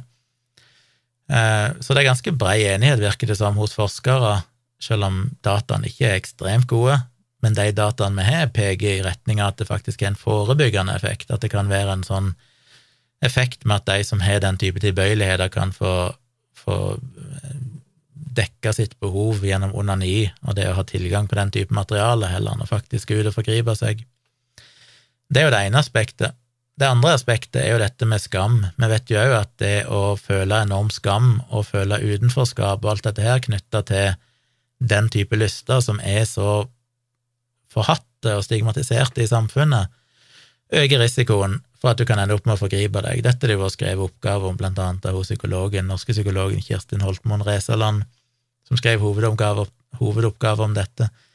Og det er ikke veldig kontroversielt, det er jo noe som de fleste som forsker på dette, er enige om, at det som er viktig, er jo at folk med den type tiltrekning mot barn ikke føler seg stigmatisert og føler en enorm skam rundt det. For det gjør jo at det blir både umulig å etablere gode behandlingstilbud, og det gjør det til og med umulig for disse personene å oppsøke behandling. Hvis de prøver å snakke med det med fastlegen eller psykologen sin, så blir de ofte ja, de får ingen hjelp der og bare møter total motstand. Kan til og med risikere å bli anmeldt i forskjellige sammenhenger fordi de blir sett på som en trussel. Så det vi virkelig trenger, er jo nettopp det som han, eh, han forskeren her sier, og er tilhenger av, dette med å, å utforske disse følelsene og si at, at vi må tolerere at folk har denne type tilbøyeligheter, og folk sin fantasi skal få lov å være fri. Det er jo noe av det viktigste vi har, og jeg tror vi hadde jeg mener, Én ting dette samfunnet er så skakkjørt på, er jo at vi ikke klarer å anerkjenne koblingen mellom seksualitet og mental helse. Vi gjør det til en viss grad, men langt på nær nok. Altså, det å forstå hvor viktig det å ikke føle skam over kropp og seksualitet er for at folk skal føle seg friske, mentalt friske, og til syvende og sist òg si, somatisk friske, er helt sentral. Vi er nødt til å anerkjenne det. Og det å, å, å påføre en sånn gruppe mennesker den enorme skammen det er, men det er jo det samme vi så med alt tidligere. Tidligere var det homofili. Eh, nå kan du si kanskje det er kjønnsinkongruens og alt dette her. Det at vi påfører mennesker som er i gåsehud annerledes denne skammen og stigmatiseringen, har jo bare negative effekter. Vi ser det konsekvent med transpersoner, dårligere psykisk eh, helse og alt dette her. Det er ikke fordi de bare har dårligere psykisk helse, det er jo fordi at det å føle en sånn enorm skam og stigmatisering fører til at folk blir syke, og det vil jo gjelde da folk med tiltrekning mot barn. Så kan en si at, eh, så tenker du kanskje at ja, men vi kan allikevel ikke tillate tegninger og tekst av overgrep mot barn. Men da må jeg jo minne dere på, på igjen at det loven handler om, er jo ikke tegninger av små barn, bare. Den gjelder jo alle som er under 18 år. Så tegninger av en 17-åring, altså en tenåring, som har sex, er jo barneporno.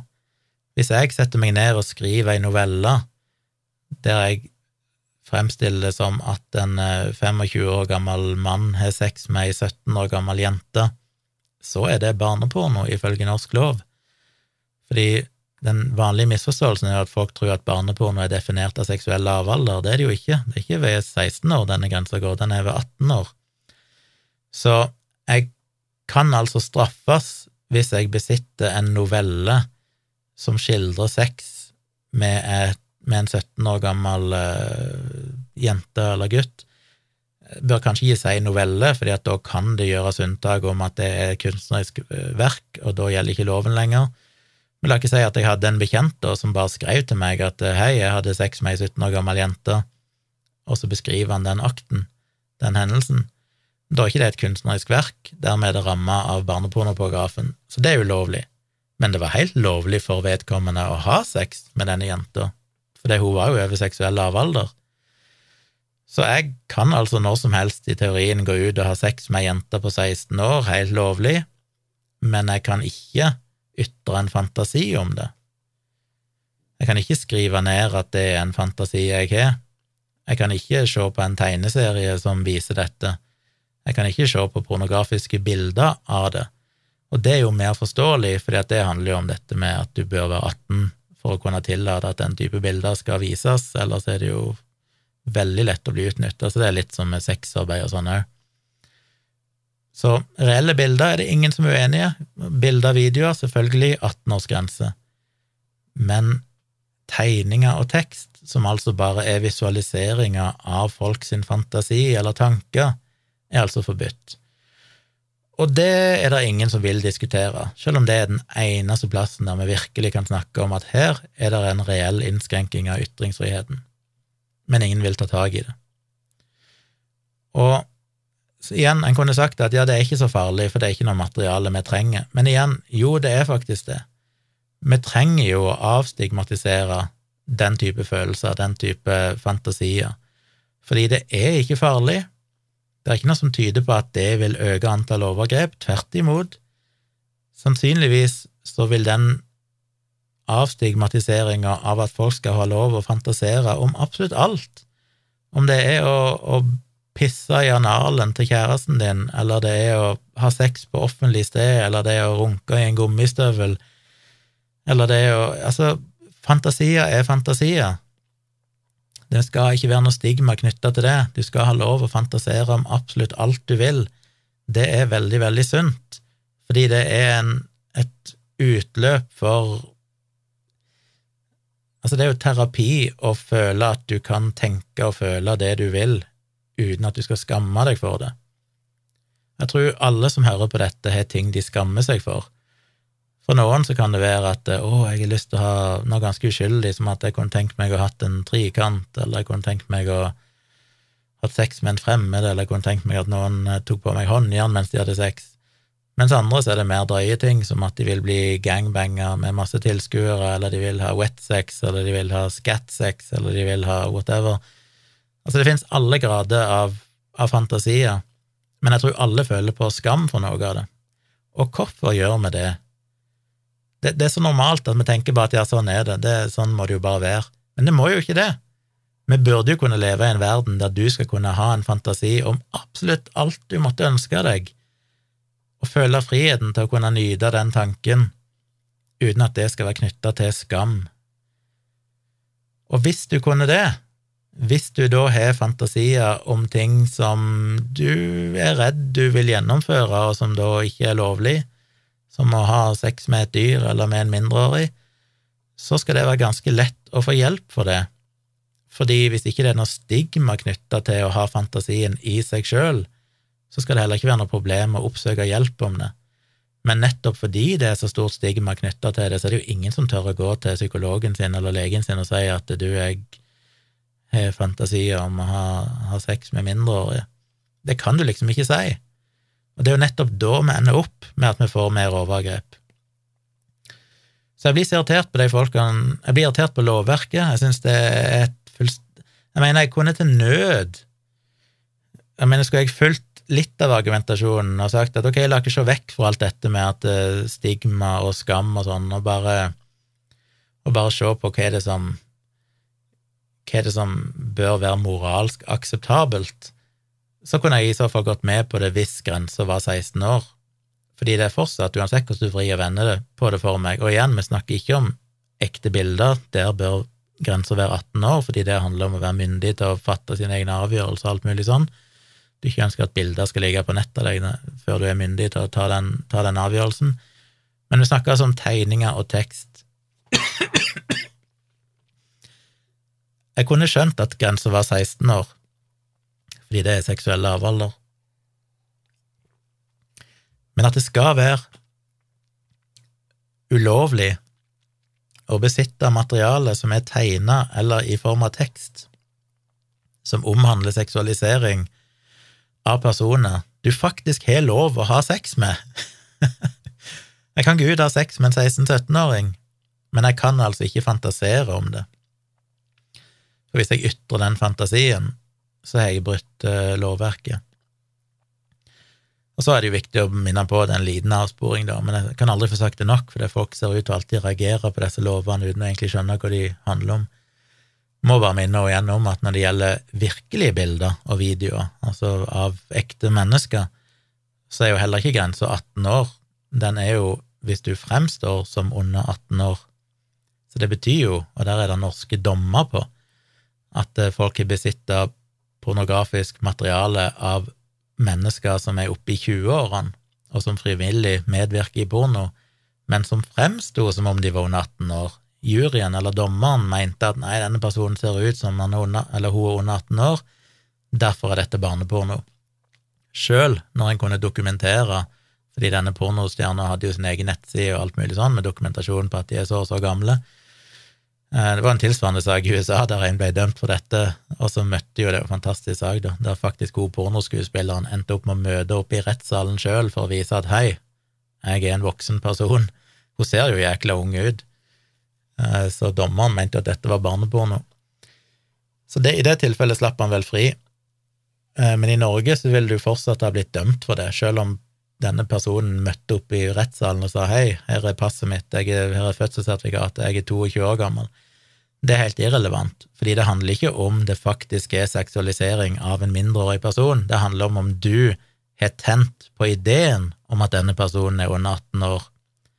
Så du har lov å ha sex med personen, til og med om personen er under 18 år, men du kan altså dømmes for å ha porno som viser noen som ser ut som de er under 18 år, selv om de er over 18 år. Da, da straffer vi jo utelukkende tankene til folk, fantasiene. Så det, jeg, jeg, forstår ikke at ikke det er noe debatt om dette, for det er i mitt hode så helt hårreisende absurd. Så la ikke si vi hadde satt grensa på 16 da, og sagt ok, animert og tegna materiale av barn som er under 16 år, det kunne en akseptert, for da, det, da ga det iallfall en viss mening, fordi du har faktisk ikke lov å ha sex med noen under 16 år. Da kan en si at da burde en heller ikke ha lov å se på virtuelt materiale, holdt jeg på å si, av den type seksualitet. Ok, kanskje, men du løser fortsatt ikke problemet med at du vil fortsatt ha det samme stigma og skammen rundt folk som har de følelsene. og det vil sannsynligvis øke risikoen for at disse personene aldri vil oppsøke behandling, aldri vil få behandling, og dermed har større risiko for å kanskje ende opp med å forgripe seg. I tillegg så er det jo dette med at de blir stigmatisert, de kan ikke snakke med venner, de kan ikke snakke med familie om det fordi det er så tabu, alt dette.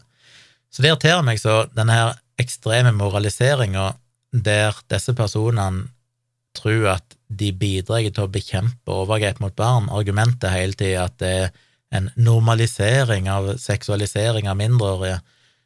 Ja, men kanskje vi trenger det.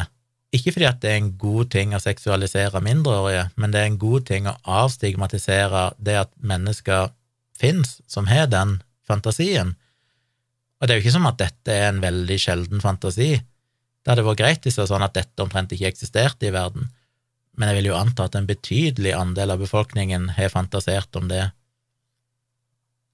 Og noen vil jo ha en primærtiltrekning. Hvor stor den prosenten er, vet vi ikke, men det er jo noen prosent som sannsynligvis vil ha en pedofil eh, parafili. Og det er ganske betydelig antall. Og det at vi bare tenker at de fortjener bare å ha det så jævlig som mulig, og så satser vi på at det går bra, er en forferdelig dårlig strategi for å forhindre overgrep mot barn. Det vi trenger, er jo heller å si at alle fantasier er lovlige, alle fantasier skal vi akseptere, vi skal ikke fordømme noen fantasier, men dermed òg, hvis du har en reell tiltrekning og ønsker å leve ut denne fantasien, og den er ulovlig, så må vi gjøre det lett å søke behandling, og det gjør vi ikke når vi skaper så mye stigma og tabuer rundt det. Men det er litt sånn to forskjellige debatter, men du kan òg diskutere den debatt, altså diskutere det med om det skal være lovlig med tekst og bilder av seksualisering av mindreårige i et rent sånn ytringsfrihetsperspektiv. Fordi jeg kan ikke fatte at folk som kontinuerlig maser om ytringsfrihet, ikke bryr seg i det hele tatt om den ene tingen som faktisk er forbudt. Eh, er forbudt å ytre. Alt det andre de diskuterer, er jo egentlig aldri forbudt, det er bare at de får kritikk for å ytre det, og det mener de er et angrep på ytringsfriheten. Så 99,9% av alt som er ytringsfrihetsdebatter, har ingenting med ytringsfrihet å gjøre, det er bare vi vil ha lov å si dette uten å møte kritikk. Men den ene tingen vi har i norsk lov som faktisk handler om reell ytringsfrihet, er det ingen som vil diskutere. Og jeg, da, som blir kritisert for å være motstander av ytringsfriheten, er vel en av de få i Norge som faktisk har tatt til orde for at dette lovverket bør vi endre, dette er noe som det er gjort i 15 år. Allikevel så er det jeg som blir fremstilt som en motstander av ytringsfrihet. Det er ganske paradoksalt når alle sånne ytringsfrihetsforkjemperne aldri ville tørt å ta i denne saken, for det er så tabu.